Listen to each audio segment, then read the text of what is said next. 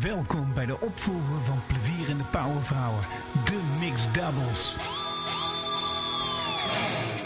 De podcast over inspirerende leiders van deze tijd. En vandaag zijn dit mijn gasten.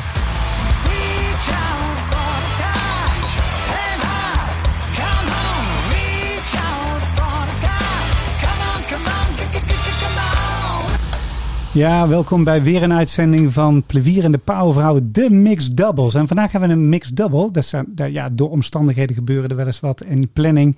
We hadden iemand die zijn been had gebroken. Dat gaf een beetje eh, planningsproblemen. Waardoor we dit moment hebben we dus eigenlijk twee vrouwen. Leiders Oh, yeah. aan. Oh yeah. Wat is het doel van deze serie? Dat is inspirerende rolmodellen in beeld brengen.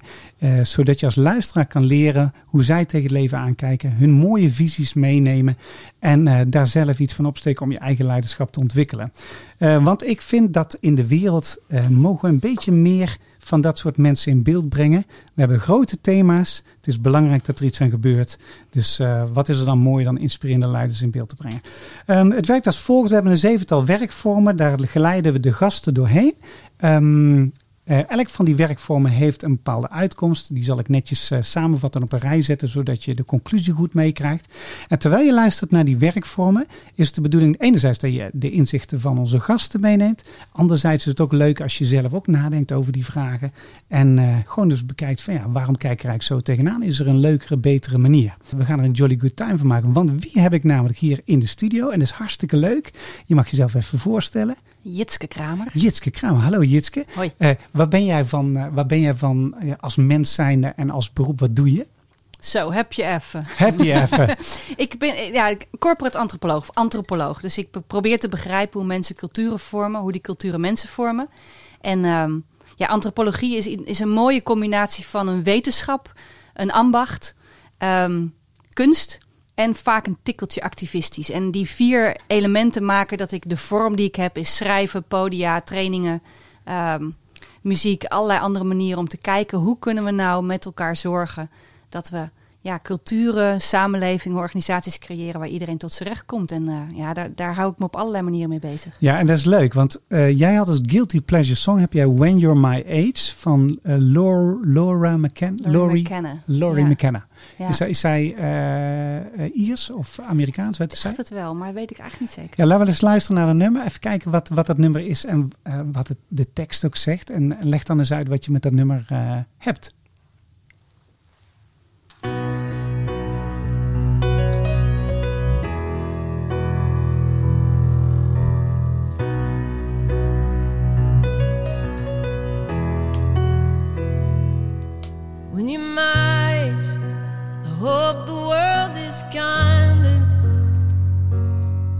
Than it seems to be right now.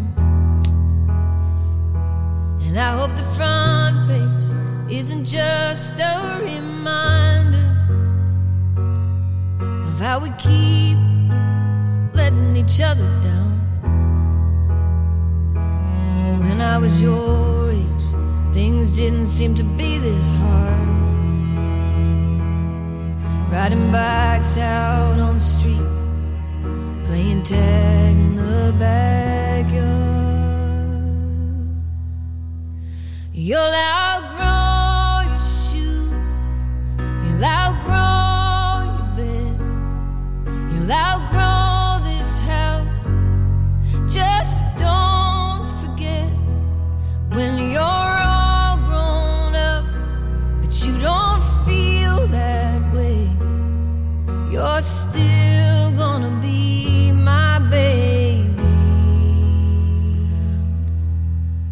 Ja, super mooi. Ik ken haar niet. Nee. When your mind, you remind me, keep each other down, your age. Um, when you're not so hard, you. Zo had ik opgeschreven. You, you outgrown your shoes. Don't forget when you're all grown up. Ja, ze zingt, still- ze zingt naar haar dochter. Ja, Ze zegt, vroeger was het voor mij makkelijker. Het leven was eenvoudiger. Eh, playing tag in the backyard, een beetje tikkertjes spelen. ja, En dus voor jou moeilijker. En, ehm, en ik hoop dat als jij ouder wordt, dat het dat het wereld er mooier uitziet dan nu. Maar je, je, zult, je, je, je zult mij ontgroeien. Maar in die end zul je altijd mijn kind blijven. Mooi. En dan vervolgens, als je het nummer verder gaat, dan zingt ze... En jij, jouw kinderen, they will outgrow their shoes. En, en, maar ze zullen altijd jouw kind blijven. En ik vind het een ontzettend ontroerend nummer. Ik schiet vaak vol als ik het luister. Ik heb het mijn dochter gegeven toen ze op kamers ging. Zo van, ja, weet je, je, dus je groeit door. Maar ik, je zult altijd een kind van iemand blijven. En ik vind dat mooi dat we ons dat beseffen. En, en dat de kinderen van onze kinderen, dat we daar een verantwoordelijkheid voor hebben. En, ehm, en dat is ja, meteen voor mij gaat het over leiderschap en leiderschaps van nu. Dus leiderschap voor de toekomst betekent denk ik dat wij ons ten diepste beseffen dat wat wij vandaag beslissen, we iets creëren eh, wat voor de toekomst is. En dan heb je een prachtig boek, The, The Good Ancestor van Roman Krasnits. Die zich eigenlijk af van zijn wij goede voorouders. En ik denk dat we op heel veel dingen een soort hypotheek leggen op de generaties na ons die helemaal geen stem hebben. Ehm, en ik denk zeker in deze tijd zo eh, aan de randen van een pandemie en we keuzes moeten maken en een klimaatcrisis die echt nog niet opgelost is. Wat gaan we doen, jongens? Wat gaan we doen en meiden? Want ehm, It's time. it's time. It's, it's way past time. En ja, weet je? Ja. Hey, en we, we hadden net in het voorgesprek, eh, je hebt al zoveel interessante dingen gezegd, dat ik gewoon zeker weet dat, eh, dat ik eh, heel, heel veel van jou kan leren in dat opzicht. Hè? Want ik vind het gewoon zelf super interessant hoe dingen samenhangen met elkaar. Kunnen, kunnen mensen eigenlijk ik, eh, hun, hun shoes outgrown? Kunnen ze, kunnen ze dat eigenlijk? Ik, ik, heb, ik, heb, ik heb een keer eh, een reunie gehad toen ik 50 werd, drie jaar geleden. Eh, ik kom hier uit Sint-Tuderode Rooi. En in Sint-Tuderode doen ze alle eh 50-jarigen van de lagere school terug laten komen naar elkaar. En alle 50-jarigen van heel Sint-Tuderode. Dus daar heb je, eerst heb je je kleine lagere school en dan heb je je heel Sint-Tuderode. Dus in die lagere school zie je je klasgenootjes. En in eh, eh, de grote setting zie je mensen die op hockey, tennis, eh, judo, karate uitgaan. Noem maar op, die, ko- die komen dan bij elkaar. En wat ik concludeer, want mijn vrouw vroeg dan hoe was het? Ik zei nou, de eerste keer dat ik terugkwam, ik zei was geweldig. Het was net of het gisteren was gewoon, weet je. En, en Jantje Royakkers, die, die, die versta ik nog steeds niet. En Leon is nog steeds een grappen maken. En Corianne en Hubert-Jan Bach, zesde klas lagere school, zijn eigenlijk nog steeds verliefd op elkaar. Ik vind het zo apart. Nou, toen had ik een half jaar later de grote. Precies hetzelfde. Dus kunnen, is het zo dat mensen hun shoes kunnen outgrown? Hoe zit dat eigenlijk? Nou ja, deels wel natuurlijk. Je, op een gegeven moment worden je schoenen te klein. Hè? Dus dan moet je ook bij kinderen wel een nieuw maatje kopen. Ja. Dus, dus het is heel praktisch. Ja, we worden ouder, we gaan nieuwe dingen en, en we, we ontgroeien op een bepaalde manier dingen die we vroeger deden. Dat je echt merkt van, er moet echt nu een nieuwe hobby. Of, eh, Ja. of dat je kleding is not according to age. Weet je wel? Oh, dat je zegt, oh, oh ja. ik weet niet hoe het bij jullie is, maar ik heb puber zeggen, mam, dat kan eigenlijk niet meer. Dus, dus ja, dat is er. En als een groep ophoudt te bestaan, dan feitelijk dat je als, als fysieke bodies, als lichamen niet meer bij elkaar komt, ja, dat houdt op. Maar zodra dat er weer is, het, het, ja, het, het concept, het, de cultuur van de groep blijft bestaan. Hetzelfde bij het familiereunies, dat je, je, je blijft altijd het jongste broertje of zusje. Ja. En, en voor je het weet zit je weer in diezelfde dynamiek. Ja. En om dat te doorbreken, dus, en dan komen we echt op cultuurvorming. Dus we vormen met elkaar culturen, we vormen patronen, manieren van doen. Ehm, die of je nou de mensen erin of eruit haalt, dat blijft bestaan. En dat is, heeft een fantastisch element. Het is namelijk heel duurzaam. Maar het is ook afschuwelijk als daar dysfunctionele patronen zijn ontstaan. Want je komt op die oude ja, lagere school elkaar weer tegen. En op je vijftigste word je het voor je het weet weer gepest. Of ben je, ga je weer pesten zonder dat je dat niet wil. Of zonder dat je dat wil. Dus we hebben patronen die we met elkaar ontwikkelen. Dat is wat we doen, omdat we mensen zijn. En dat is fantastisch. En af en toe lastig. En, en ja, dat is waar we het mee te doen hebben. Ja. Nou, kijk, en, en het is natuurlijk als je de, de cultuur zit en de grote dilemma's, hè, dan is de vraag, als dat zo moeilijk is om eruit te stappen, eh, kunnen die leiders dat dan wel veranderen? Ja, dat kan. En wat, wat dan, moet, dan moet ik echt in een paar zinnen even een, uh, dat een spoedcursusje antropologie Ja, geven ja. om dat te duiden. Ja, dan gaan we, dan gaan we daar dadelijk eens even dieper op in, want daar ben ik benieuwd naar. hey, en we hebben als eh, tweede gast, en eh Veronique, je mag gewoon inhaken. Dus eh, als je denkt, hé, hey, ik eh, wil wel eens even hier wat over zeggen, ga vooral je gang. Veronique Gremme hebben we. Eh, jij eh, eh, bent ook hier aanwezig. Zeker. Wil je eens aangeven wat eh, jouw rol normaal is en wie jij bent als mens? Heel kort. Ja, ik, ben, eh, ik heb een uitgebreide ervaring als eh, HR-directeur in diverse organisaties en branches. Ik heb bijvoorbeeld gewerkt voor Tenet, voor KPN, voor Office Depot. En wat mij ontzettend boeit in mijn vak is ehm, leiderschap. Ja, Hoe toon je leiderschap? Hoe wil je als organisatie dat je leiderschap eh, functioneert en je leidinggevende? Omdat dat voor mij ja, de hefboom is naar eh, alles wat je als organisatie eh, aan visie en missie wil. Met je medewerkers, voor je klanten. wil doen. Wil doen. Ja, realiseren. Hey, en jij had als Guilty Pleasure song had jij Happy. Ja, Ja, en ik heb de live versie van, ik denk dat is weer eens van anders, eh, want we hadden in de eerste serie hadden we ook iemand met Happy, maar dat was de, de standaard versie. Maar de- we doen even de live versie, dat is gewoon eh, net even anders.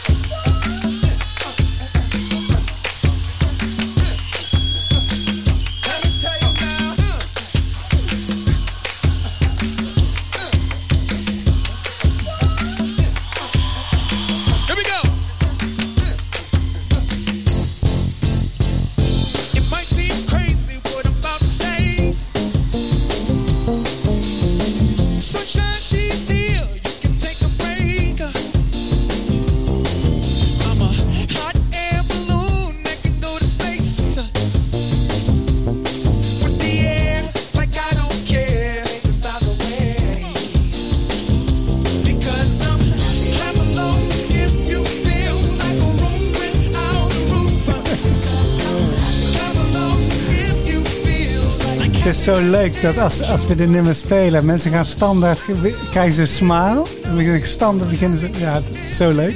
Hey Veronique, eh, Happy mooi hè, van Pharrell. Ja, ik vind het geweldig. Vertel, vertel eens, waarom dit nummer? Nou, ehm, het was een keuze uit vele Guilty Pleasure songs. Maar van dit nummer word ik altijd instant blij en energiek.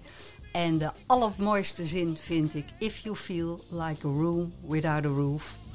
Dat, ja, dat staat voor mij voor bevlogenheid voelen, voor mogelijkheden zien, eh, voor eh, een reus worden in plaats van een dwerg.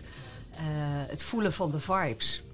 En dat is, dat gevoel, dat is wat ik ook graag in organisaties eh, veel meer terug zou willen zien. Ja, gaaf. Hey, en ik las vanmorgen las ik een spreuk. Ik had hier een eh, boek liggen, Think and Grow Rich. Ik denk, ik ga het ook maar eens lezen. Dat is eigenlijk de baas van alle boeken. Ik heb 5200 boeken gelezen. En dat boek zei iedereen, dat moet je lezen. Nou, ik, ik heb het nooit gelezen. Dus ik denk, nou, laat ik het eens lezen. Dan las ik een spreuk in die zei, eh, Destiny is not a place, it's who you are. Ja, ik, ik denk dat dat zo is. Weet je, en het, eh, ik denk dat het voordeel van ouder worden is dat je steeds beter die destiny weet. Ja, Toen ik eh 30, 35 jaar was, toen vroeg ik me veel minder dingen af. ja, Ik ging voor de baan, ik ging voor de carrière. eh, ik had nog eh, geen kinderen. Ehm, Destiny ehm, is eigenlijk bij jezelf komen en weten wat jij kon doen in de wereld. En Ja. wat je, dat sluit bij Jitske aan, wat je voor je kinderen neer wil zetten. Wat je, wat je achter wil laten. Ehm, ja, voor de toekomstige generaties. Goed doen, organisaties van A naar B brengen. ja, gaaf zeg. En eh, leiders die heel dicht bij zichzelf blijven, zeg maar, kunnen die dat beter of, of anders? Of wat denken jullie? Nou, ik denk dat de authentieke leider ehm, veel meer impact heeft. Ja, Weet je, laat je eigen twijfels zien. Eh, probeer niet meer het beste meisje of het jongetje van de klas te zijn. Er zijn anderen die dingen zoveel beter kunnen. Ehm, ga op een andere manier met leiderschap om. Dan Ja. dat we toch nog in veel organisaties gewend zijn. Ja. Hey, en eh, als HR-directrice, eh, directeur, HR-directeur moet ik eigenlijk zeggen, want directrice is ook een taalwoord weer. Ja, dat is, het is eigenlijk interessant. Laten we iedereen directrice noemen. Ja, oh, dat is leuk. Zowel man als vrouw. Een beetje zoals plevierende pauwvrouwen, de mannen. Ja. Heel leuk. Wat, wat, wat heb je als HR-directeur eh, eh, willen neerzetten en wat heb je neergezet voor je, eh, in je benadering? Want HRD is vaak een, een of HR is eigenlijk altijd vaak een sluithek voor mijn gevoel. Terwijl het eigenlijk zou ze eigenlijk aan het begin al aan tafel moeten zitten. Mhm. Nou ja, eh, HR En misschien is zelfs die term niet meer de juiste. Nee. Hè? De, de H wordt belangrijker. We gaan human. steeds meer naar human. Ja, Het woord resources daarachter, ik denk dat dat zijn tijd gehad heeft. Ja. En je ziet om je heen nu ook al veel meer people en culture. oh En ja, precies. De ch- Chief Happiness Officer eh, Ja. komt zelfs eh, voorbij. Ehm, dat, dat is een vak wat zich natuurlijk met ja, de wat hardere kant bezighoudt. Hè, met het inrichten van dingen, de organisatiezaken. maar steeds meer toegaat naar, ehm, nou ja, we kennen het al, hè, diversiteit en inclusie. Eh, daar is inmiddels al de B van belonging hier aan toegevoegd. De En- E van equity. de E van equity, de W van well-being. Ehm, ja, dat is wat ik eigenlijk al jaren probeer te doen. En dat begint voor mij heel erg eh, bij het leiderschap in de organisatie. Ja, Hè, de toon at de top, de leidinggevende. Ehm, vroeger eh, was het profiel van een leidinggevende, beste jongetje van de klas, veel financiële of technische kennis. Nou, daar stond eigenlijk weinig in over hoe ga je nou eigenlijk met mensen om? Hoe ga je die mensen betrekken in datgene wat er gedaan moet worden? ja. En dat zien we veranderen. En dat, ja, dat is de bijdrage die ik graag eh, lever. ja. Ja. Hey, en, en eh, vanuit jou, hè, van wat, heb, wat, heb, wat heb jij neergezet of wat wil jij neerzetten? Want je, je noemde net vier pijlers op van antropologie, hè? de driving force behind anthropology. Eh, wat, wat is je streven, zeg maar? Waar, waar, waar- naast dat je, want je benoemde net al het goede doen voor de wereld omheen, iets nalaten, legacy voor mijn kids en eigenlijk voor de kinderen daarna. It's ja, time. dat, dat is ja. Nou ja, ik, ik, naast dat ik antropoloog ben, ben ik ondernemer. Dus we hebben Human Dimensions. We zijn met Ja. z'n tienen. Ja, Ehm, leuk team allemaal. Fantastisch. Ja, Ja. Het is, eh, en, en wat wij delen, we hebben dat natuurlijk, zoals dat mooi heet, in een mooie tagline gevangen. Is wat wij pogen, is dat we de wereld woest aantrekkelijk willen maken voor alles en iedereen. En Ja. het liefst zo verrukkelijk eenvoudig mogelijk. Daar, daar, vind, daar vind ik helemaal geweldig. Ja, en, en, Ja. en het, de kritiek die ik wel krijg is, ja, dat is wel heel idealistisch. En mijn antwoord is, dat klopt. ja. Ja, dus maar je moet hoge, hoge idealen Ja, ik- hebben om, om, om ergens uit te komen. Ja, ik denk dat soms idealistisch wordt wegzet. Dus dat kan niet. Nee, we moeten weer, denk ik, hoog durven dromen en idealen na durven streven. En weten dat je ze nooit haalt. Maar je kunt wel nastreven.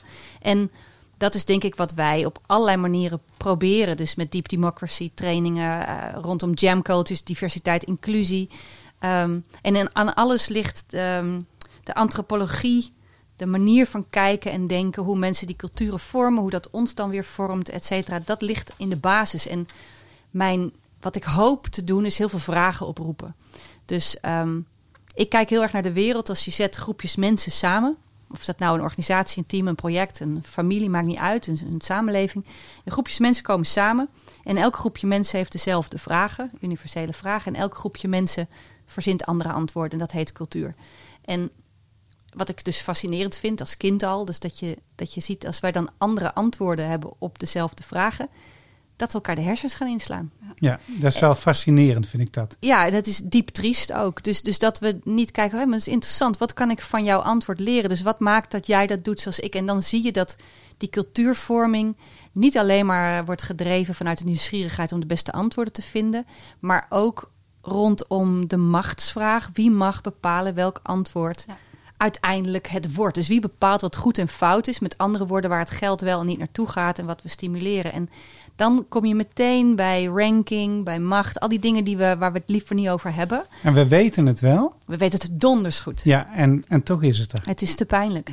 Ja, Ja. te pijnlijk. Ja. Dat vind ik ook wel, dat vind ik ook wel een, een, een, eh, een interessante gedachte. Dat het gewoon te pijnlijk is om daarheen te gaan en dat te Het erkennen. is te pijnlijk voor degenen die voelen dat ze het niet hebben. Ja, En het is te pijnlijk voor degenen die voelen dat ze het wel hebben, omdat ze de illusie hebben dat wat ze bereiken puur en alleen maar komt op eigen kracht. Maar het feit, mijn kinderen die hadden, ik kreeg, eh, moest op een gegeven moment huiswerkbegeleiding, mijn dochter. En ik zei, dat is wel een privilege. Je hebt wel mazzel dat je dat... Nou, daar dacht ze heel anders over, weet je. Ja. Dus die zei, ik moet veel harder werken dan die anderen. Ik zei, nee, jij hebt geluk dat ik Ja. zie dat je het nodig hebt, dat ik het kan Dat je betalen. het kan betalen. En, Precies. en dat ik er ook naast ga zitten en je help. En, en dat je daarmee nu wel dit jaar haalt of betere cijfers en, en anderen niet. Dus ja, dat besef. En dat betekent niet ik vind het jammer dat wij woorden als privilege, als een soort scheldwoord naar elkaar uit. Ja. Maar als we het even naar het Nederlands vertalen, je hebt gewoon een voorrecht. Voorrecht, ja. En, en, en enjoy the ride. Maar wat doe je met die plek? En dat is dan waar ik het appel op doe. Zullen we dan kijken wat we daar mooier maken voor zoveel mogelijk mensen? Ja. Nou ja, je hebt het natuurlijk ook tijdens COVID gezien. Hè? Ik zag mensen om me heen die inderdaad een soort van nanny of studenten konden inhuren om de lagere schoolkinderen eh, thuisonderwijs te geven en te helpen met taken. Die zelf eh, beide Nederlandstalig zijn, die dus die zonder moeite eh, gewoon de kinderen konden helpen met de opdrachten. En op enig moment was er op tv Ehm, ja, eigenlijk een plaatje van een gezin ergens drie of misschien wel vijf hoog achter in de grote stad, waar beide ouders niet Nederlandstalig waren, waar de kinderen ja, elkaar maar zo goed mogelijk hielpen, maar dan had je het wel over een vijf, een zeven en een negenjarige. En met dat in het achterhoofd, ehm, ja, ben ik het al helemaal mee eens. Dat zou gelijker verdeeld moeten worden. Ja. En de overheid doet daar best een goede poging toe af en toe. Hè, door eh, ehm, laptops of eh, iPads ter beschikking te stellen. Maar het zit veel meer in, krijgen deze kinderen gelijke kansen? Want als je zo twee jaar doorbrengt hè, met je ouders... eh, ergens op een plek waar je zelfs niet eens rustig je huiswerk kunt maken... en zonder de goede begeleiding... ja, dan loop je een nog grotere achterstand Ja. op. Ja, en dit is wel een heel mooi ideaal. Ik, schreef net ook op van, ehm, want nieuwsgierig zijn hè, naar hoe kunnen we dingen beter of mooier maken. Dat is eigenlijk het eh, uitgangspunt moet dat zijn. Hè? Ja. Dus dat, dat we collectieve nieuwsgierigheid krijgen naar elkaar. Ik las ook dat, dat eh, pas geleden dat eh, tijdens COVID was natuurlijk ook heel erg aan het polariseren. En er werd heel erg de, de mening van majorities werd eh, in beeld gezet. Terwijl elke minority zeg maar werd weggezet als wappie of als weet ik veel wat. En toen las ik, dat vond ik wel interessant, want dat past ook een beetje bij onze spirit van listen to learn en learn to listen. In eh, elke perceptie, ja, 8 miljard mensen, 8 miljard visies, ontdek eens wat de ander eh, zegt en waar dat uit ontstaat en wat daar waar van zou kunnen zijn. Eh, George Parker zegt altijd, als het werkt is het waar. Eh, als het niet werkt is het of niet waar, of nog niet langer waar, of nog niet waar. En dan aan jou om uit te zoeken hoe dat zit. Vind je ervan? Ja, ja dat klinkt, klinkt prachtig. En, en ik denk, learn to listen betekent niet alleen naar elkaars meningen. Ik denk wat we daar nog wel eens vergeten is dat we ook moeten leren luisteren naar iemands expertise of ervaring. Dus als wij hier bij elkaar zitten en wij zouden deze ruimte opnieuw moeten gaan inrichten. En, en, en, en stel, eh, jij, Wout, hebt, jij, hebt, jij hebt echt vier jaar gestudeerd naar kleuren. En jij weet precies welke kleur wat oproept. En wij hebben geen idee en we gaan bedenken. En wij, jij wil rood, ik wil geel. Jij zegt nee, moet echt blauw zijn. Kijk het naar. Je hebt een, heb ik dan zoiets, ja, hij heeft ook een mening. En ik heb gegoogeld of, of zie ik de zwaarte van jouw expertise. En, en dat stukje zijn we soms een beetje vergeten. Dus de meningen rollen bollen over elkaar heen, maar we horen niet meer. Iemand heeft ergens zeer veel ervaring mee of heeft daarvoor gestudeerd. En de, ik denk dat dat een van de nadelen is hoe we nu, eh, nou ja, met, met internet en dat soort dingen, dat we zien heel veel meningen. Iedereen kan zijn mening ventileren. Dat is top. Dus alle stemmen worden gehoord. Maar we weten niet meer waar het vandaan komt. We kunnen het niet meer duiden. Nee. En, en vroeger, als we in tribes, in dorpen wonen, dan wist je, wie zegt dat? Nou, Jan van die. Oh, Ja, weet je wel? dan kon je het Dan plaatsen. kon je het plaatsen. En nu, eh, we weten het niet meer zo goed. Dus, dus ja, we moeten naar alles luisteren. En, en in dat luisteren gaat ook, kunnen we, kunnen we ook weer zien en, en expertise waarderen. Wetenschap is niet ook maar een mening. En tegelijkertijd, wetenschap spreekt elkaar tegen. Dus kunnen we alle stemmen daar dan weer in horen. Weet je, dus die afwijkende stem is onwijs belangrijk om naar te luisteren. Want daar zit- ja, de ene vraag is die, is die briljant of gek? En dat is die hele wappie-discussie natuurlijk. Ja. Van ja, wat is dat dan? En mag alles dan gehoord worden? En waarom wordt dat wel en dat niet gehoord? En dan zijn we weer terug bij die macht. Ja, hey, en, en, en vanuit, vanuit eh, ik had net ook nog opgeschreven van, eh, kijk, idealen. Als je een ideaal als uitgangspunt, een ideaal kan mensen hoop geven en kan mensen inspireren tot hele ongelooflijke dingen. Als je alles maar realistisch plat slaat, zeg maar, dan, dan komt er niks van de grond. En liever elke dag kleine stapjes nemen naar een mooi ideaal, dan proberen een hele grote stap te maken die, je- die je niet gaat bereiken. Dus ik had ook opgeschreven van. ehm, eh, ik, ik, ik zeg tegen mijn mentor, ik doe wel CEO's mentoren en dan zeg ik altijd, wat is onrealistisch het eerste moment om je ideaal nu in beweging te zetten? Nog een keer? Ik zeg altijd tegen ze: ehm, wat is onrealistisch? Het eerste moment om je ideaal nu in beweging te zetten. En wat ik daarmee bedoel is: we hebben altijd redenen waarom het niet kan. Oh ja, ja. Dus waarom niet gewoon een kruis zetten en gewoon maak een begin, joh.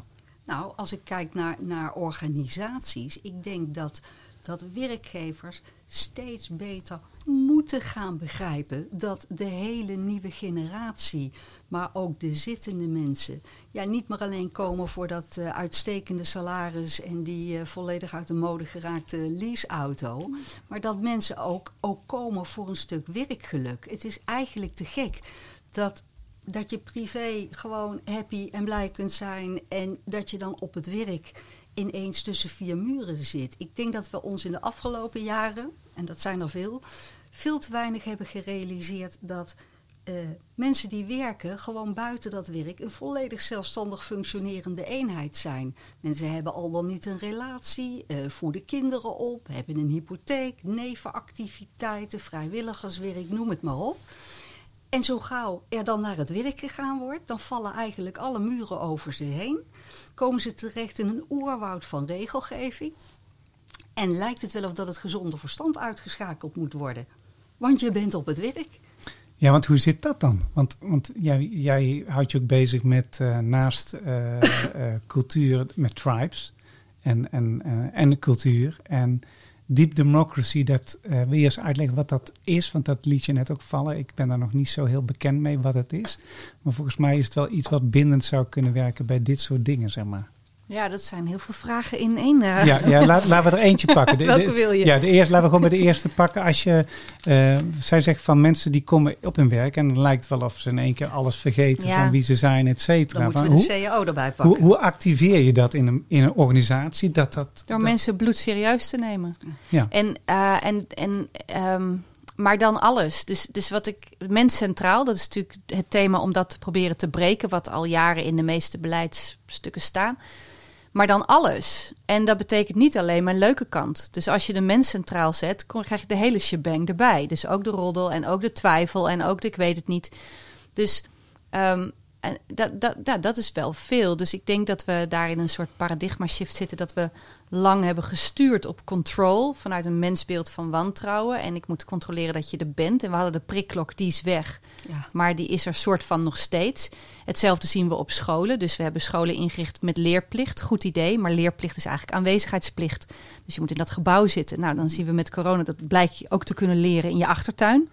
Dus waarom moet je in dat gebouw zijn? En hetzelfde zien we nu met werk. Dus je, het, het samen creëren van een omgeving, een, een, een ecosysteem, waarbij iedereen op twee benen kan staan. Maar het punt is dat als mensen op, vinden ze misschien iets anders. Ehm, dus controlebehoefte, die snap ik ontzettend. eh, op allerlei manieren, als, als moeder, leider en, en Ja. noem maar op. Maar ehm, wil je mensen volwassen benaderen en mens centraal met alles erop en eraan, dan zal je maar zo eens krijgen dat mensen zeggen, nou ik vind dit niet. En dat is precies wat je wil. Dus wat, wat ik zie, dan, dan En kom dat is, ik... dat is precies wat je wil in de zin van dat ze het gaan vertellen of eh, eh, van, van dat mensen bang zijn om het te vertellen. Nou, ik wil niet dat ze bang zijn. Nee, Nee, en en kijk, het punt is, ze willen, ze, er zijn al verschillende meningen. Dus het, het uitgangspunt, wat mij betreft, is dat je zet een groep mensen samen en je hebt verschillende meningen. ja, Dat is wat we Zeker. weten. ja. En dan proberen we in bedrijven proberen we een soort brainwash sessies te organiseren. Noemen we managementdagen, dat iedereen weer hetzelfde denkt. Ja. Maar dat is natuurlijk niet zo. Alleen als ik voel dat ik dat moet zeggen, zeg ik ja, maar ik doe ondertussen wat anders. En dat noemen we als we pech hebben, noemen we dat in organisaties eh, dat je organisatiesensitief bent. Dus heel goed net niet kan zeggen wat je eigenlijk wil zeggen. En als we dat dan belonen, dan worden degenen die daar heel goed in zijn, worden de leiders. Nou, dat systeem zitten we een beetje in gevangen. Terwijl we andersom kunnen zeggen, hoe zorgen we nou voor dat we al die perspectieven benutten eh, om vanuit daar de beste beslissingen ooit te nemen? En, en dan heb ik zomaar een paar van jouw vragen beantwoord. Dus Ja. aan de ene kant heb je tribes en, en, en cultuur. Tribes is voor mij een ander woord voor een sociaal, sociale groep. ja. Dus, dus een, En daar kan, ook een, daar kan ook een minder formele setting zijn, structuur, de setting zijn. Het kan ook informeel ontstaan. Ja, het is, een, een, een, het is gewoon een ander woord voor een groep mensen. Ja, Je hebt een sociale groep en, en wij zijn tribale wezens. Dus een wolven die gaan in packs leven en vissen in scholen. En wij bouwen tribes. En die tribes hebben bepaalde ja, menselijke wetmatigheden, zou je kunnen zeggen. En daar vormen we dus culturen in, omdat we zonder dat goed-fout frame worden we gek. Dan kunnen we niet leven. Dus, dus dat bouwen we sowieso. En de kern van die cultuurvorming is dus wie mag wat bepalen, is macht. En de andere kern is dat we allemaal andere ideeën hebben. Dus dat we diversiteit is het gegeven. Tegelijkertijd is het gegeven dat we allemaal mens zijn. Dus we willen allemaal hetzelfde. Ja, in de basis, de basisbehoeften van elke mens zijn gewoon Dus generiek. alle corporate values zijn niks unieks aan. Dat is zo universeel als wat. Ja, De enige vraag is, wat zeg je in je top drie? ja Daar precies. begint de cultuurvorming. En dan komen daar gedragingen. Daar hebben we verschillende smaken op. Dus als het ons lukt om te zien dat we allemaal vergelijkbare behoeften hebben, maar andere manieren om daarmee om te gaan. En dat betekent dat diversiteit en inclusie, wat lang een thema was voor paragraaf 6, hoofdstuk 20, als we tijd hebben vlak voor de borrel. Ja, Ehm, dit is de kern van leiderschap. De kern van leiderschap is dat je een, een, een manier vindt om al die perspectieven boven tafel te krijgen en daarmee te dealen. Dat we met tegenstellingen om kunnen gaan. En dat heet dan soms conflict. Weet je, dus, en dat vinden we zo spannend. Terwijl dat is, dat is het leven. Dus elke organisatie die zegt: wij willen omgaan met een VUCA-wereld, we willen verandering, we willen innovatie, we willen. Wat ze eigenlijk zeggen is: wij willen leren, leren omgaan met tegenstellingen en potentiële conflicten. Ja, en de, Geestig. de grap van, van corporate values vind ik ook altijd. Hè, dan wordt een top 3 of een top 4, en ik heb ook wel eens een top 6 gezien, van allerlei waarden geponeerd. Terwijl de mensen die in die organisatie werken, die zeggen: dat herken ik helemaal niet. Dat persoonlijke, dat betrokkenen. nee, dat hoor je ook vaak dat inderdaad. extra mile, dat met aandacht voor. Ik herken het niet. Ik vond COVID, de COVID-tijd ook zo frappant dat de leiders zeiden van eh, eh, dingen als eh, bijvoorbeeld niet naar kantoor komen, iedereen thuiswerken, dit en dat. En de CEO die, die zag je gewoon Ja. met zijn hele team naar kantoor gaan. Ja. Weet je wel? Maar dat Ja. ging zelfs zo ver dat mijn vrouw die werkte voor een bedrijf, daar, daar werd iedereen gesommeerd om naar kant- kantoor te komen. Ja. Tegen alle regels in. hebben we ook gezien. Dat je eigenlijk denkt, hm?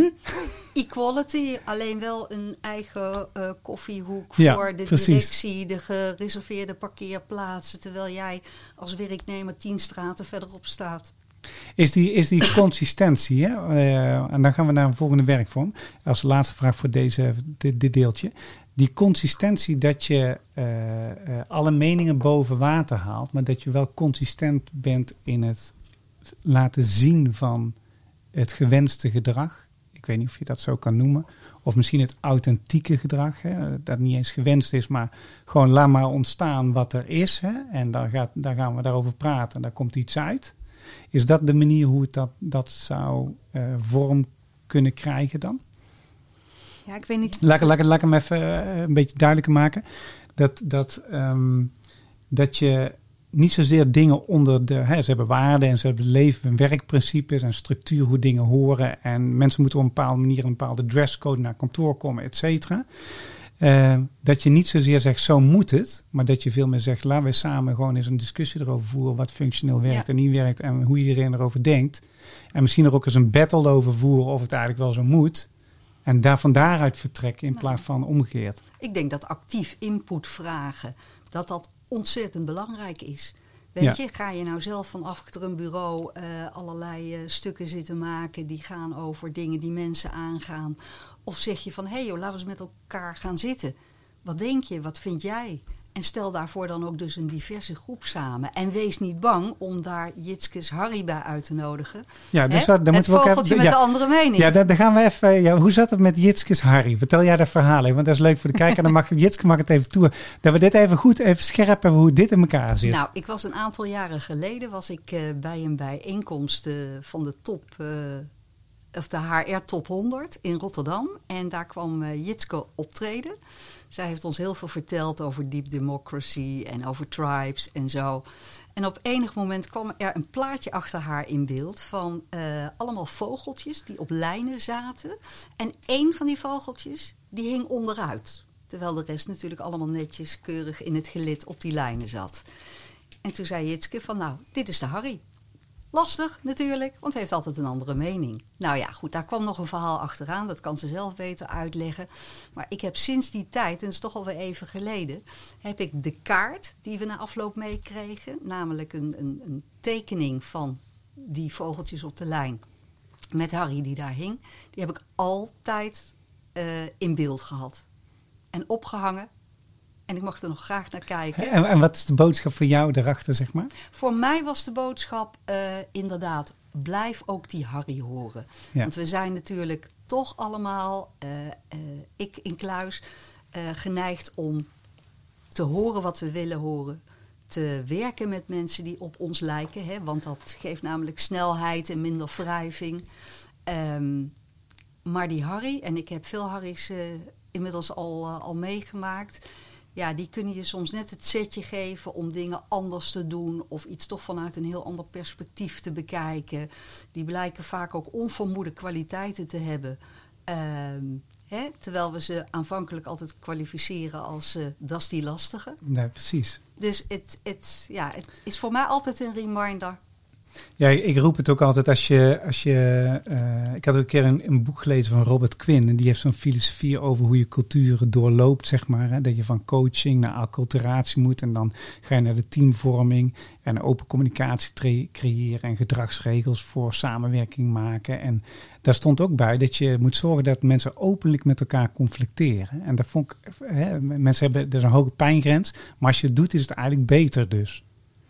Ja, en, en heel lastig. En dus, heel dus- lastig, Dus, ja. Harry, en, eh, prachtig trouwens hoe je dat beschrijft. Echt fantastisch. En dat het nog steeds, eh, dat beeld bij je is. ehm Ja. Harriette noem ik ook wel, Fatima Mo, Ja. weet je, mag hem alle namen geven. Ja. Maar het, het andere perspectief, en het andere perspectief is heel gaaf. En het zou ik echt zeggen, go for it. Ehm, maar als je het binnenhaalt, dus ja, je, je- je- bijvoorbeeld je hebt in je team dat je zegt, ik wil even echt een ander geluid binnenhalen. En je, en je, je neemt iemand aan met een wezenlijk ander geluid. Eh, Die heeft misschien ook een andere stijl. Dat gaat heel vaak hand in hand. Ja. Dus je wil wel. En, hm? En dat botst. En dat botst. Ja. Dus, dus, dus ehm, echt meer luisteren naar verschillende geluiden betekent dus ook vaker je mening herzien. En je eigen mening en je eigen blinde vlekken. Dus het is fantastisch en lastig. En, en, en, ehm, en wat daarbij komt, dus, dus aan de ene kant wat je net vroeg van moet je naar iedereen luisteren? Ja, ik ben helemaal mee eens met wat je zegt. eh, actief input vragen.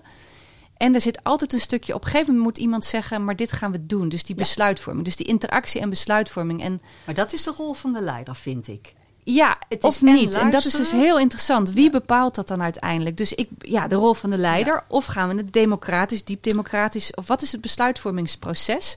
Maar ergens moet die komen. En als we dat niet doen. Dan wordt het heel eng. En dat zie je bijvoorbeeld bij organisaties die zelfsturende teams te Ja. veel invoeren, maar dan geen speelveld en kaders neerleggen. En dan wordt het heel spannend. Net als dat ieder mens is welkom, mag ik hopen, maar niet elk gedrag. Nee. Maar wel eens de vraag, maar wie bepaalt welk gedrag wel of Ja. niet oké is? En dan zitten we, dus het wordt elke keer zo'n dubbel loopje dat je elke keer weer terugkomt bij, oké, maar wie bepaalt dat dan? En dat is de leider, ja. Ehm, eh, maar misschien ook wel het team, of de expert, of de klant. En Eh, het ligt voor mij ook wel heel erg aan het onderwerp. Kijk, ik heb ook eh, eh, als HR-directeur natuurlijk eh, veel te maken gehad met reorganisaties. En ja, helaas, dat kun je niet in co-creatie besluiten of denken dat je daar voor alle neuzen dezelfde richting op krijgt. Ja. Dat is dan gewoon wat het is. En ik vind wel dat je daar als persoon, nou ja, jezelf in mee moet brengen, eh, je respect en de manier waarop je dingen doet. Eh, als het gaat om hoe kijken wij aan tegen talent, dat mag voor mij een grote deep democracy eh, bijeenkomst zijn. En daar mogen er ook meerdere van volgen. En uiteindelijk bepaal je met elkaar, dit is waar we naartoe willen en zo gaan we het doen. Ja, Ja. Ja, dus, dus die, die, hoe doe je de interactie en met wie en Ja. wie zit aan welke tafel? Ja. Dat is natuurlijk een Wie mag bij de strategietafel aanschuiven? Wie zit, eh, ja, dat is de diversiteitsvraag. En, en de, bes- de besluitvorming inderdaad, wie gaat waar over? En, en heb, vinden wij dat allemaal? Zijn wij daarmee akkoord dat iedereen Ja. daarover gaat? En dat is, ja, daar, daar kunnen we eeuwig over Ja, dat is, een, dat is een hele gave, gave, gave input, zeg maar, waar je over na kan denken, inderdaad. hey, even, we gaan eens eh, naar een, eh, een eh, ik doe twee werkvormen met jullie. Ik doe een, even een korte, want we gaan dus even jullie eh, toekomst eens even in beeld eh, brengen. Want waar ik nam- namelijk benieuwd naar ben, van of jullie daar al een perspectief op hebben. Dat doen we via deze oefening. Het vrije interview over leiderschap, inspiratie, samenwerking, vitaliteit en succes.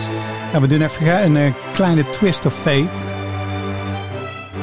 Want normaal doe ik gewoon vrij interview, maar we zaten er eigenlijk al een beetje in. Bij jullie doe ik even een variatie. Dus ik heb wat vragen opgeschreven. Want waar ik benieuwd naar ben is van, eh, nou, je, je hebt een ideaal. Eh, volgens mij heb jij ook een ideaal, ideaal wat je nastreeft. Ehm, ik heb een, vier, een vijf, zestal vragen. Ehm, gewoon heel, van heel simpel naar een beetje ingewikkeld. Ik ga kijken of, of we het scenario van de toekomst een beetje kunnen verhelderen. En wiens toekomst? Ehm, nou, de toekomst van je ideaal. Dus, eh, dus in jouw geval, ja, jij kan zelf de doelgroep bepalen op wie je wil richten, zeg maar. Maar, maar ik ben heel benieuwd. Ik ben namelijk getriggerd door het ideaal van allebei. Jullie, eh, wat me opvalt is dat jullie allebei een, een, hoog ideaal hebben wat jullie eh, nastreven, wat jullie willen neerzetten, versus een omgeving die soms nog helemaal niet zo ver is. Dus ik begin heel eenvoudig. Ehm, wat is je definitie van een goede leider? Laten we daar eens mee beginnen. Jitske. Dus je definitie van een goede leider. Zonder dat we een, eh, een algemeen, kijk, goede leider, pakketje, nou weet je wat je moet doen. Ja, ik, laat ik het zo zeggen. Ik, ik vat het wel eens samen als een goede leider moet de juiste balans weten tussen power en love. Ja. En wat houdt dat in? En voor mij is dat, eh, nou ja, Adam K. Heeft daar een prachtig boek over geschreven met de titel Power and Love. Dus die kan je opzoeken. Maar voor mij is power staat voor de kracht die gaat over daadkracht, over grenzen stellen, over dit wel, dit niet. Dus het is een onderscheidende kracht. Die staat dus haaks op inclusie. Want het is gewoon, nee, we gaan het gewoon zo doen. Dus een, een, een, een, een groep, een tribe zonder die kracht, dus als leiders dat niet kunnen pakken, dan zijn we een beetje stuurloos. Dus dit gaat ook over wat je, wat je zegt van we, we gaan een verandertraject in. Dan moet iemand gewoon bold and brave, we gaan dit gewoon doen, weet je wel. Dus power. En power is wat mij betreft de fakkeldragers. Hier staan we voor, dit gaan we doen.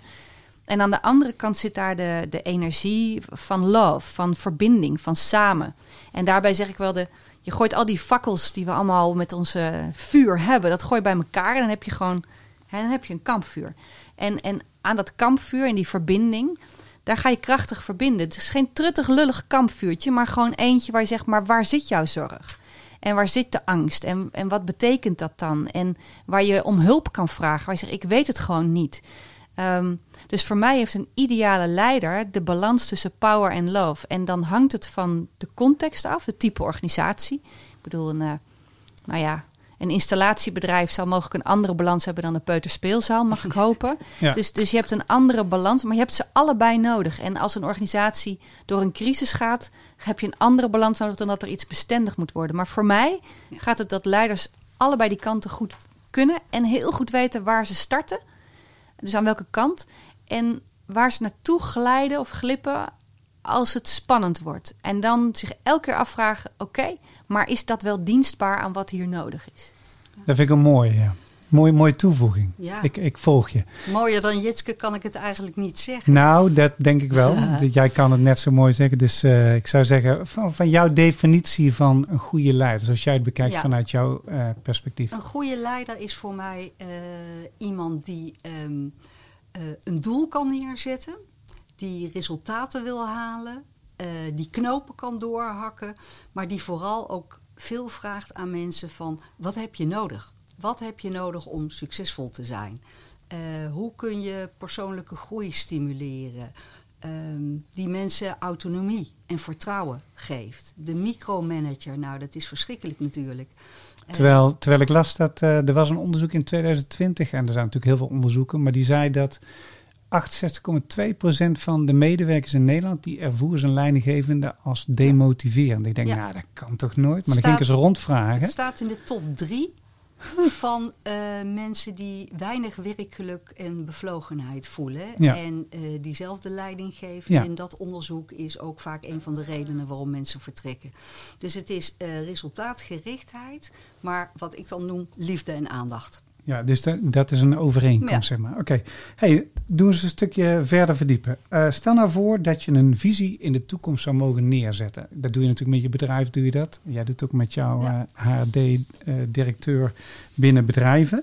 Wat is dan hetgeen wat je voor de toekomst nou nastreeft? Ja, daar, daar- daar heb ik al veel over. Ik denk een van de dingen die ik nastreef, en hadden we daar recent met mijn collega's over, is heel veel mensen streven na dat we zonder conflict leven, in harmonie leven. Ja. Ehm, maar conflict is het gegeven. Ehm, dus harmonie is meer het eindresultaat van een serie goed opgeloste conflicten. Dat is harmonie. Ja. Ehm, en als ik naar de toekomst kijk, dan denk ik dat wat we nodig hebben, is veel meer mensen die conflicten goed kunnen begeleiden.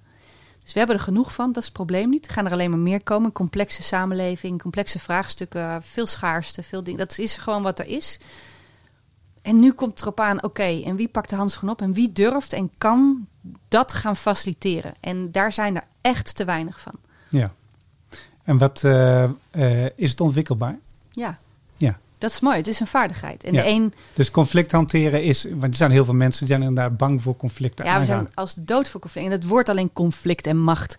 Maar je mag het ook tegenstellingen noemen of andere ideeën. Het klinkt wat leuker. Verschillende perspectieven met elkaar combineren. Ja, Hè? Dus betere besluitvorming.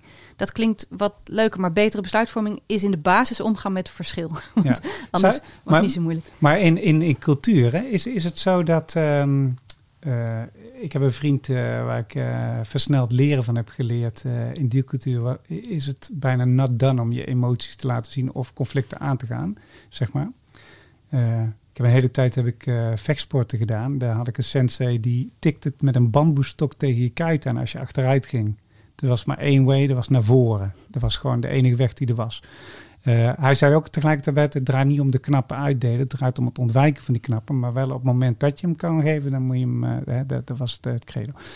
Ehm, maar, maar leren wij als, als mens ook vertrouwen te krijgen dat we conflicten mogen aangaan? Nou, ik Want als je een conflict aangaat, dan, dan ben je per definitie, sta Ja. je ergens voor en heb je vertrouwen ergens in. Ja, er zijn, kijk, daar kom je weer. de- dat we conflicten hebben, dat we verschillen hebben, tegenstellingen hebben. Laten we Ja. het, het woord ietsje breder pakken. Ehm, want voor veel mensen is een conflict een uit de hand gelopen tegenstelling. Ja. Voor mij is dat een wat breder woord. Ehm, dat is een universeel gegeven.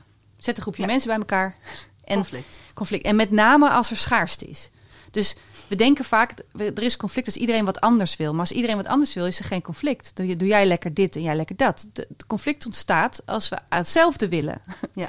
Ehm, en dus, dus de schaarste ontstaat. Dus, ehm, en hoe we met die conflicten omgaan, is per familie, per regio, per land, per cultuur gewoon anders. ja. Dus bevragend, rustig, voorzichtig een conflict aangaan is even waardevol als met vuist op tafel slaan. Dat Mhm. vraagt weer, is het power love? Wat is er nodig? Dus vind die, die maakt het wel heel simpel, hè? Power love. Wat is er nodig? Is Is- eigenlijk simpele vraag om een conflict aan simpel. te gaan, hè? ja, dus, dus en een conflict aangaan. Ik zou eerder zeggen, het conflict begeleiden. Ja. Want aangaan zitten we al in het frame dat er een winnaar en een verliezer is. Voor mij gaat het Precies. erover dat we, dat, we, dat we leren zien, ook als leiders in een organisaties, dat we dat mensen, eh, dat groepen een samenraapsel zijn van polariteiten en dilemma's. Volledig andere achtergronden van mensen. Eh, inderdaad, de manier waarop je opgevoed bent. Hè, wordt thuis het conflict vermeden? Of mag je het in alle veiligheid aangaan? Ja. En dat mag allebei, Ja. is, is dat er. En, en daarin hebben we allerlei dilemma's op te lossen. Dat heel vaak geen of-of vragen zijn, maar en-en vragen. Ja, We willen klopt. en korte termijn en lange termijn. En taak en relatie. En nou ja, noem ze maar op. Dus, dus ik denk dat wat we nodig hebben is hoe gaan we met elkaar beter begeleiden. Hoe we met die verschillende behoeftes omgaan. En de, dus in de overeenkomsten. En, en dus niet zozeer het conflict aangaan als met elkaar daarin gaan staan. Mooi. hey, en Veronique, eh, eh, in jouw doelstellingen, van, van waar, waar zie jij de toekomst? Waar, waar ga jij voor? Ik ga voor, ehm, ja, ik denk het, het verhogen van de employee of de human experience is misschien nog een beter woord. Hè? We komen natuurlijk eh, ehm, uit een tijd waar eh, voorheen eh, ja, medewerkers eigenlijk als een resource, dus als een kostenpost werd gezien.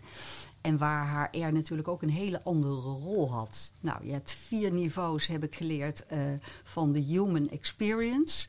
En dat zit eigenlijk van de transactionele efficiëntie tot de, eh, nou ja, de equitable growth. Dat is dan eigenlijk de, de, de, hoogst haalbare. Maar die rol van HR is daar heel anders in. Hè? Wat ik straks al zei, van vroeger uit een soort arbeidsrechtelijke politieagent tot nu en straks veel meer als de facilitator van, van innovatie, van, van groei, van alle contactmomenten van medewerkers, zo noem ik het dan maar even, eh, eh, in de organisatie. Ehm, gewoon daarin ook je waarden en je, je corporate values en je, je missie uitdragen. Mooi. Want dat is gek, hè? Eh, ja, dat kom ik weer terug op dat voorbeeld. Als je normaal privé een hele nare ervaring met een bedrijf hebt, dan denk je van, nou, dat is de laatste keer dat ik hier geweest ben. In je organisatie kun je dat niet. Maar juist daar die waarde in toevoegen. Ik heb veel geleerd van Jumbo, waarin ze zeggen van daar waar, waar wij onze klant beloven dat je hier op de leukste en beste manier boodschappen kan doen, willen wij ook onze medewerkers beloven dat als ze bij HR terechtkomen, dat het gewoon een prima ervaring is. Ja. Ik ben in dit licht wel benieuwd. Ik weet niet of jij daar al van... Ik had er tot gisteren nog niet van Nee. gehoord. Maar de Great Resignation, heb je die meegekregen? Ja.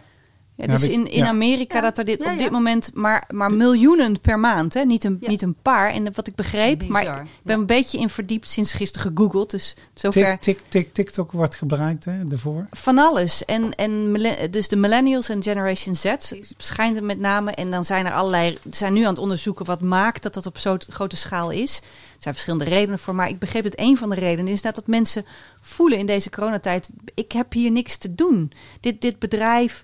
Het brengt me Het niks. brengt mij niks. Ja, dus- het brengt mij koor. niks, Ja. zeiden ze in En dan, koor. ja, en dan is het zingeven. En wat, wat ik ook begreep, want ze, ze hadden een term, ik weet niet hoe die heet, maar dan moet je maar even opzoeken. Ze, eh, mensen posten dat op TikTok. Ja. En dat heeft een bepaalde term in zich. Tik. Nee, ik, weet, ik weet niet meer wat het was, maar dan moet je maar even opzoeken. En het wordt ook heel erg enthousiasmeerd, want mensen staan te klappen van, ja, en goed, ik, go ik girl. sprak, eh, ik sprak Go- met een, eh, een, een Duitse klant en die vertelde dat in Duitsland de cijfers ook nu oplopen. Ja. Eh, terwijl, en wat hij zelf zei van ja, dat is toch niet helemaal onze Duitse cultuur. Dat je, Nee. dat je ontslag neemt terwijl je nog niks anders hebt en toch gebeurt het. En ik, ik weet het niet. Ik ben heel benieuwd in dat licht, maar dat dan, dan, dat- dat- ik heb geen idee of dat zo is. Ehm, David Graeber, dat is ook een antropoloog, die heeft het over bullshit jobs gehad. Dus mensen die zelf het gevoel hebben dat ze, dat ze banen hebben die niks toevoegen. Ja. En hij heeft daar prachtig onderzoek naar gedaan. En, ehm, dat, en dus dat mensen zelf vinden dat het niks toevoegt. En dat zijn ook akelig veel mensen. Ja. En mijn fantasie zegt dus dat we thuis komen te zitten in onze zolderkamer voor twee, twee jaar. En dat je, als je, als je echt voelt dat je een bullshit job hebt. Nou, dan is het heel eenzaam op die zolderkamer. Dus ik ben heel benieuwd of dat met elkaar samengaat. Eh, maar dat, Ja, ik vroeg nou, me af. Dat denk, dat denk ik wel. Ik heb toevallig eh, gisteravond eh, op het journaal iets gezien over die Great Resignation. En daar was een, eh, nou ja, er was zowel een jonge vrouw als een jonge man die zeiden: ja, wij zaten hier met corona in een kamertje. En eigenlijk dacht ik aan het eind van de dag: wat ben ik aan het doen? Nou heb ik vandaag nog niemand gesproken. Eh, ik zit maar wat in te tikken. Nou, die jonge man die was een soort eh brodenbakker gaan worden. Die ging daar nu zijn eigen bedrijfje mee opzetten. En de jonge dame die zei van, ik zie het wel, maar niet meer daar. Ja. En dat vind ik zo mooi, dat die nieuwe generatie eh, zich daar zoveel meer van bewust is dan... Nou ja, en ik, in ieder geval ik toen ik 25 of 30 was. Ehm, weet je, daar, daar wordt echt een wederkerigheid gevraagd van het psychologische contract.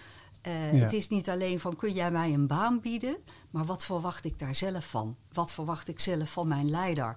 Eh, wat verwacht ik van de missie, missie en de, de, de visie, de purpose van het bedrijf? En ja, in die zin, eh, als werkgever moet je op het moment, zoals jij zegt, woest aantrekkelijk eh, zijn. Omdat het op dit moment natuurlijk eigenlijk een werknemersmarkt is. Hè? Ja, en het betekent ook dus dat, je, dat, eh, dat de regels of principes die er zijn, dat je ze niet maar zomaar als Nee. eh, vanzelfsprekend moet, maar ter discussie moet stellen. Ik moet ook in één keer denken, ik had een jaar geleden had ik twee jongens ontmoet, die hadden een bedrijf opgezet en die werkten bij een chemisch bedrijf. En dan moesten ze, elke maand moesten ze een rapport opleveren. En eh, op een gegeven moment kwamen ze erachter dat niemand die rapporten eh, Nee. eh, las. Waarop ze tegen die manager zeiden, we moeten die rapporten maken. Maar niemand leest die rapporten. Nee, maakt niet uit. Je moet een rapport maken, want we moeten... dus daar had die jongen, die had anderhalf jaar lang had hij, hetzelfde rapport gebruikt, maar een nieuwe titel erop gezet met een nieuwe datum. En dat had hij naar eh, zijn leidinggevende. Daar kwamen ze anderhalf jaar later kwamen ze erachter en toen werd hij ontslagen.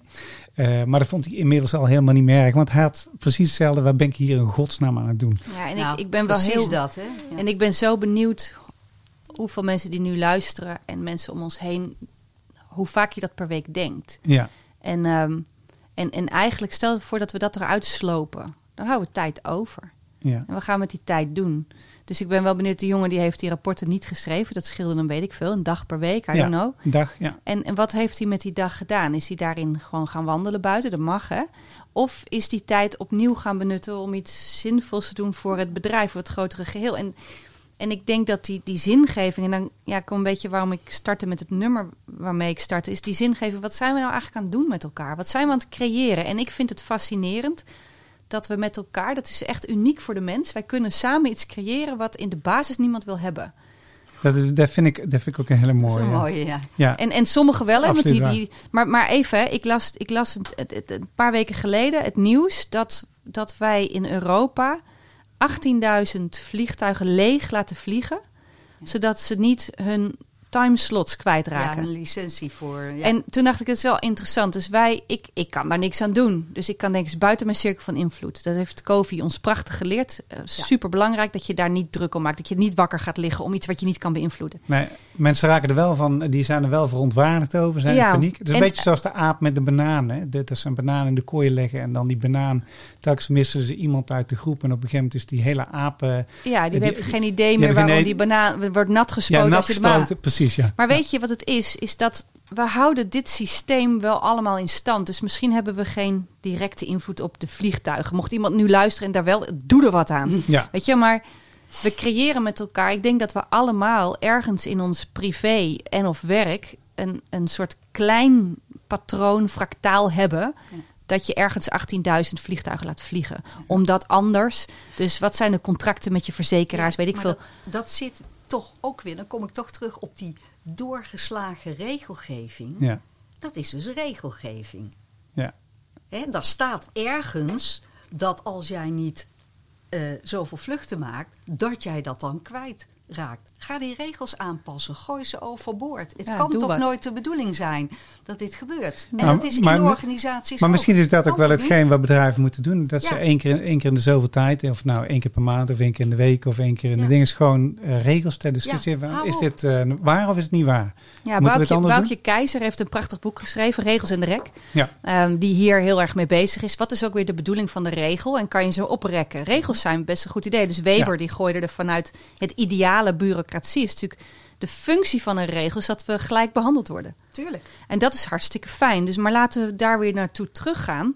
En, en, en het lef hebben om, om de verbouwing in te zetten wanneer het niet gaat. En op alle niveaus. Dus ik ben wel zo benieuwd van als je nu nou ja, toch, toch een uurtje niks te doen hebt. Zo in je, in je omgeving, je werk.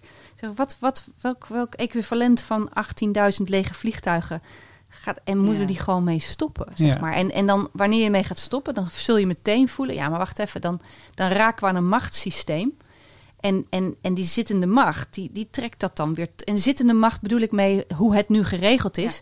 Die, die trekt dat weer terug. Misschien ben jij wel degene die het tegenhoudt. Want ja, maar als dat gebeurt dan, en dan zie je de bui al hangen in een soort domino-effect. Maar dat heet transformatie. Ja. En transformatie is per definitie goed. Nou, als het, als het, als het naar je idealen toe gaat, wel. Maar Dan het is wel. geen doel op zich, hè? Hey, even, even terug naar jullie idealen. Eh, laatste vraag daarom trend. Hè. Stel je voor, ehm, eh, je zou je ideaal nog een stukje dichterbij kunnen brengen of mogen brengen. Waar moet dan voor jouzelf nu de focus op komen te liggen?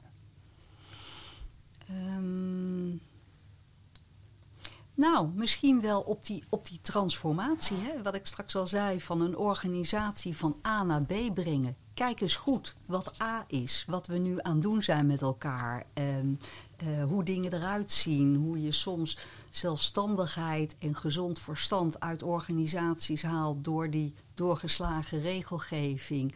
ehm, mensen niet als zelfstandig eh, personen behandelt.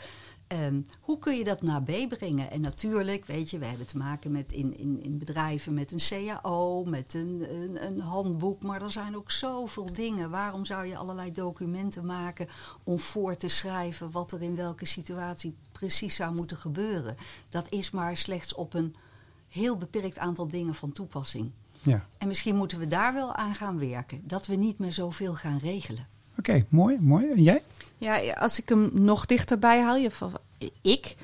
ehm, ik, wat, wat voor mij betekent, is ik kan af en toe echt moedeloos worden. Ik weet niet hoe het met jullie is, maar dat ik denk, waar, het blijft maar vastzitten. Het loopt maar de hele tijd door. Je ziet de, je ziet de politiek, eh, wat er gebeurt in de macht in bedrijven. Ik ben net ben ik ehm, eh, anderhalf maand eh, op reis geweest voor een documentaire serie. Totale andere context in de woestijn van Tunesië, in de bergen. Daar was ook geen corona, was ook wel heel erg fijn. Ehm, en dan kom je dus letterlijk van een afstand kijken wat hier gebeurt. En dan kom ik terug en had ik als eerste, eh, eerste activiteit na weken weg zijn. eh, wat is de beste structuur voor een hybride meeting in de toekomst? Oh my god. En dat ik dacht, het interesseert me echt gewoon niet. En, maar dat is de slechte. dat is niet zo handig. Nou, nou kijk, het geeft, Nou het geeft, het- het het geeft wel geeft- iets weer natuurlijk. Het geeft iets weer. En, en voor mij ging dat over. Dus wat heb ik nodig? Eh, want het interesseert me natuurlijk wel. Want het, Ja. het gaat ontzettend over hoe gaan we dingen vormgeven. Ja. Maar ehm, dus wat ik merk is deze thematiek, wat ik zelf persoonlijk nodig heb, is, is uithoudingsvermogen. Dus elke keer weer naartoe teruggaan, elke keer weer die pijn instappen. Ook rond alle vraagstukken rond diversiteit en inclusie, want dit ligt er zo nauw tegenaan. Joris Luijendijk, die nu met Zeven Vinkjes de boel op stelte heeft gezet. Ehm, het de hele tijd naar die hitte toe vraagt voor mij persoonlijk uithoudingsvermogen en, ehm, en ten diepste compassie voelen met alle perspectieven. Ehm, dus ook met die van mij, maar ook met de vraag: wat is de beste meetingstructuur voor een hybride meeting? Ik, ik snap de vraag, als ik weer daarin verdiep en luister, aan dat kampvuur ga zitten, zeg maar, dan snap ik die vraag zo goed. Ehm, dus, dus het is de hele tijd eh, de stretch vinden van echt instappen. Ehm, in het Engels vind ik zo mooi, put your skin in the game. Weet je wel? Dus, dus het, het is geen spielerij, het is geen dingetje. Het is, het is, het is echt, weet je wel. En, en die oprechtheid blijven voelen. En, en voor mij betekent dat ook de tranen toelaten wanneer die er zijn. Oh ja, zeker. En, en, en, en ik kan in ieder geval, zeker als ik voel in die tijd van corona, toen alles disruptive was, ik- er zijn bij mij wel flink wat tranen ge- ge- gestroomd. Op allerlei manieren. Als mens, als ondernemer, als wat ik om me heen zie. En ik kan datzelfde voelen, die onmacht bij de grote vraagstukken die gaan over de regeldruk in de zorg. Ik mijn god, het onderwijs wat in de knel zit, eh, klimaatdingen, dit zijn grote thema's. Maar als je daardoor overspoelt, dan kom je geen stap meer verder. Dus het is, het is zo mooi, bijvoorbeeld eh, Jan Rotman zo mooi, omarmde chaos. Prachtig, ben ik erg voor. Maar, eh, maar ga maar doen. Nou, ik weet niet hoeveel avonden je dan te huilen hebt, weet je wel. Nee. Dus Ja. ik denk dat, dat voor mij persoonlijk het, het zoeken naar ehm, doorzettingsvermogen, eh, rust vinden, eh, loslaten wat niet in je invloedssfeer zit. En tegelijkertijd beseffen dat alles wat je doet enorme impact heeft. Dus, Maar daar geen zorgen om maken. Dus de hele tijd elke keer weer in die spanning gaan staan. En, en hoe verleidelijk het is om op een gegeven moment te zeggen... weet je, ik ga met popcorn op de bank en toedeledokie. Ik hoor het wel wanneer het klaar is. Ik ga nu Netflix uitkijken. Ja. Ja. Dat, dus- dat kan altijd Ja. natuurlijk. dat- nou, Nou, ja. dat, is ook wel, dat is ook wel heel belangrijk. Hè? Ik, eh, Maar, maar even op mij even te maken, want ik kom daar bij jou. Eh, even, even eh, dus die reflectie van dat, dat emotionele heb je ook gehad en je hebt al die golfbewegingen gehad. Eh, eh, dat is ook wat je jezelf gunt, meer rust. En, en misschien is, is het ook belangrijk om gewoon het spel te blijven spelen wat je speelt. Hè? Want het zijn belangrijke thema's. Maar als je de, toen ik toen omhoog ging, zei ik van ik las vanmorgen een spreuk, maar er stond hierin: Love what you do, do what you love. Weet je wel? En als je daarop gaat focussen en je gaat daar je thema's, je idealen mee tot leven wekken, dan Ja, hou je elke dag denk ik wel energie. Zeker, en dat is natuurlijk, of natuurlijk, dat is gelukkig wat ik, wat ik doe. En met Ja. het team van mensen om me heen. En het enorme geluk dat de klanten die ik heb en de mensen die mij bevragen, me daarop bevragen. Ehm, dus dat helpt enorm. Maar ik, ik voel ook echt, de, en, ik, en ik herken hem bij. Ik kom Ja. zoveel mensen, leiders, mensen tegen die zeggen: Ik ben zo moe. Ja, Ik ben zo moe. Mensen Ja. zijn zeker degene die in die, in die spanning gaan. Dus als ik zeg omgaan met dilemma's op een andere manier. Om die dilemma's eh, bij elkaar te brengen, dat vraagt veel uithoudingsvermogen, vaak veel kracht, vraagt veel niet weten, het in het hier en nu zijn, het met elkaar prachtige woorden. Maar mensen die dat veel doen, zijn moe. Dus ik zie veel mensen moe zijn. En, en, ehm, maar die hebben zo hard nodig. Dus het, dus het is ook de, de vitaliteit hebben, maar dat is ook weer zo'n uitgehold woord bijna. ja, Dus do what you love, ja. But sometimes you need to do what you hate to get what you love. Ja, dat is ook waar. En, en, en dat is, ehm, ja, daar, daar zit denk ik de spanning die we met elkaar nodig hebben. En iedereen roept nu transformaties eh, op, op allerlei, dus fantastisch woord, hè? Ja, transformeren, ja. Maar het doet pijn, hè? Het doet pijn om achter te laten wat je gewend bent. Tuurlijk. Een verbouwing is, dat is een transfer, echte wezenlijke transformatie in de samenleving is een verbouwing. En een verbouwing op alle, nou ik weet niet of je wel eens in een verbouwing Ja. hebt geleefd. Ja, en nou, zeker als je in een huis woont, wat je tegelijkertijd verbouwt, dat is waar we voor staan bij een transformatie in de samenleving. Ja, Koslin, die, eh, die, dat is een, eh, een schrijver van een boek en die, had onderzoek gedaan naar het brein over hoe transformaties werken. En die zegt van, een beetje zoals Stephen eh, Covey ook zegt van, je hebt ik en wij. En eh, eerst heb je het zelfbewustzijn uit de ben ik. En dan de tweede, mijn talent. Dus maar 30% van de mensen die eh, werkt op zijn talent. En 37% geloof ik in Nederland. Het aantal mensen dat bewustzijn heeft van, hier ben ik echt knijter goed in. En hier besteed ik alleen maar mijn tijd aan. Dat is nog veel lager. En maar 12% in Nederland is bevlogen. Dus dit tweede niveau, dat activeren je talent, super belangrijk. En dan dat eh, in samenwerking met andere mensen doen. En om dat te kunnen doen en om naar dat grotere geheel te gaan, moet, moeten mensen transformeren. Dat is zijn filosofie. Want dan kunnen we naar het ideaal en het wij en het samenwerken en het collectief komen. Maar heel veel mensen gaan die transformatie niet in. Gewoon, waarom? Pijn. Ja, Pijn voor Ja, eh, die de verandering, pijn. pijn voor het onwetende, pijn. Alleen le- leven is pijn. Ja, Hè? En of pijn dat, is dat nou in je, Ja. in je persoonlijk leven Ja. zit of in je werkleven. Ja, in dit werkleven het soms jarenlang met molentjes moeten lopen om iets voor elkaar te krijgen. En dan constateren dat het op dat moment in die organisatie gewoon niet gaat lukken. ja. Omdat, omdat er geen voedingsbodem voor is.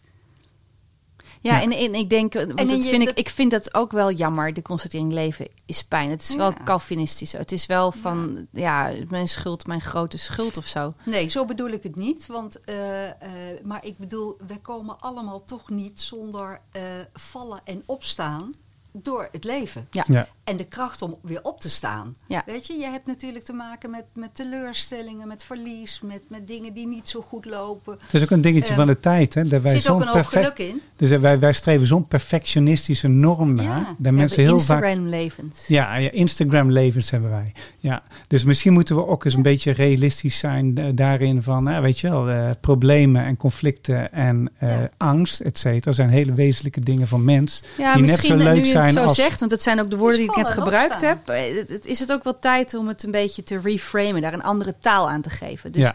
dus, dus, dus eh, eh, als ik ook zeg van conflicten, dat meteen, oh, god, de- net als dat je nou ja, moet besparen op iets. Dat is helemaal niet leuk. Nee, Dus bespaar, ik wil liever iets doen, iets uitgeven of zo. Dus, dus, dus het, hoe kunnen we hem positief formuleren? Ja, ik heb een Ehm. vriend die is heel positief, Albert Zonneveld, die zegt altijd van mensen die kiezen vaak voor eh, kort geluk, lange pijn. Maar de kunst is, je moet kiezen voor korte pijn, lang geluk. Nou, Ja. precies. Want, want transformatie doet altijd een beetje pijn. Nou, Ja, dat, dat- dat vind ik dan ja, weer mooi. Hey, ik ga tenslotte nog even naar jou. Ja. Eh, willen we jouw ideaal tot leven wekken? Wat eh, moet er dan gebeuren? Wat is dan hetgeen wat je nodig hebt of moet creëren? Ehm, dan moet je met elkaar een sfeer creëren eh, waarin leiderschap echt in de aandacht staat. Goed positief leiderschap. Eh, waarin dat belangrijk gevonden wordt, waarin je ook beslissingen neemt eh, daarover, waarin je leiderschap ontwikkelt en ehm, ja, het heel belangrijk maakt als een van de, nou, wat mij betreft, een van de strategische pijlers van je organisatie. Ja. En dus eh, begint dat boven of aan de onderkant? Of is, moet iedereen meedoen? Iedereen moet meedoen, maar ik denk wel, en dat is ook mijn ervaring, dat de toon at de top en het voorbeeldgedrag, dat die daarin heel belangrijk zijn. Want allerlei mensen eh, eh, daarin gaan coachen en ontwikkelen, terwijl je zelf eh, ja, toch als de, de topleidinggevende van het bedrijf daarin niet het goede voorbeeld laat zien, daar niet bevlogen over bent. Ja, waarom zouden andere mensen het dan wel doen? Conclusie. Ja, je zou kunnen zeggen dat in deze tijd staan we voor hele grote dilemma's. Dat betekent dat mensen die moeten nieuwsgierig worden naar de beste antwoorden. Om dat te kunnen doen, betekent dat je met elkaar moet gaan praten over dingen die goed gaan, maar ook dingen die conflicteren of angst eh, opwekken. Het is wel belangrijk om je ideaal na te streven. Nooit op te geven voor je ideaal. Zorg dat het elke dag tot leven kan komen, ook bij jezelf. Daar horen ook emoties bij. Dat, daar geeft soms een beetje frustratie en het geeft soms een beetje weerzin en soms ook angst of verdriet. Maar op het moment dat je erin gaat staan, je kan het signaleren, je kan het met andere mensen activeren, dan wordt het makkelijker om uiteindelijk je ideaal ook tot eh, leven te wekken. Er zal er overigens altijd een balans blijven tussen eh, een beetje liefde en een beetje, wat was het ook weer? Love, Love, love en een beetje power. Power. ja, en die power en die love, dat is wel hetgeen wat we willen activeren met elkaar. En dat is ook wat we leiders in de toekomst gunnen. hey, dames, dankjewel. Ik voor wil nog één PS Ja, toevoegen. Ja, PS, mag jij. Vaker huppelen. Vaker huppelen, oh ja. Dus, dus, de, dus de, de, en daar bedoel ik mee eh, eh, bijna letterlijk, want we doen het als volwassenen nooit meer. Kijk, ga vandaag nog huppelen. Eh, maar ook de speelsheid hier niet in vergeten. De playfulness. Want daar zit de route naar, naar in de zwaarte de oplossing. En dat is wat we heel hard nodig hebben. Ja, en Ik voor mij is het de fun. De fun en Heb de... het ook gewoon leuk met elkaar. Ja, superleuk. hey, dames, eh dankjewel ehm, voor deze fantastische eh, podcast. Ik denk dat we een keer eh, jullie ook eens een keer moeten in een webinar moeten zetten. In een goed webinar over dit onderwerp. Eh, want we zijn eigenlijk nog helemaal niet uitgepraat volgens mij. Nee, dat, gelukkig, anders waren we dood. Anders waren we dood. Eh, zo is het. Precies. Hey, dankjewel. De volgende, volgende keer is in de uitzending Bob Hutte eh, van de Verspeelfabriek Hutte Catering en Suzanne Leclerc van de Philosoph Philosocracy Movement. Ook heel interessant. Eh, stay tuned op de Mixed Double Plevierende Powervrouwen. En tot de volgende keer. We sluiten af met de Song for the People.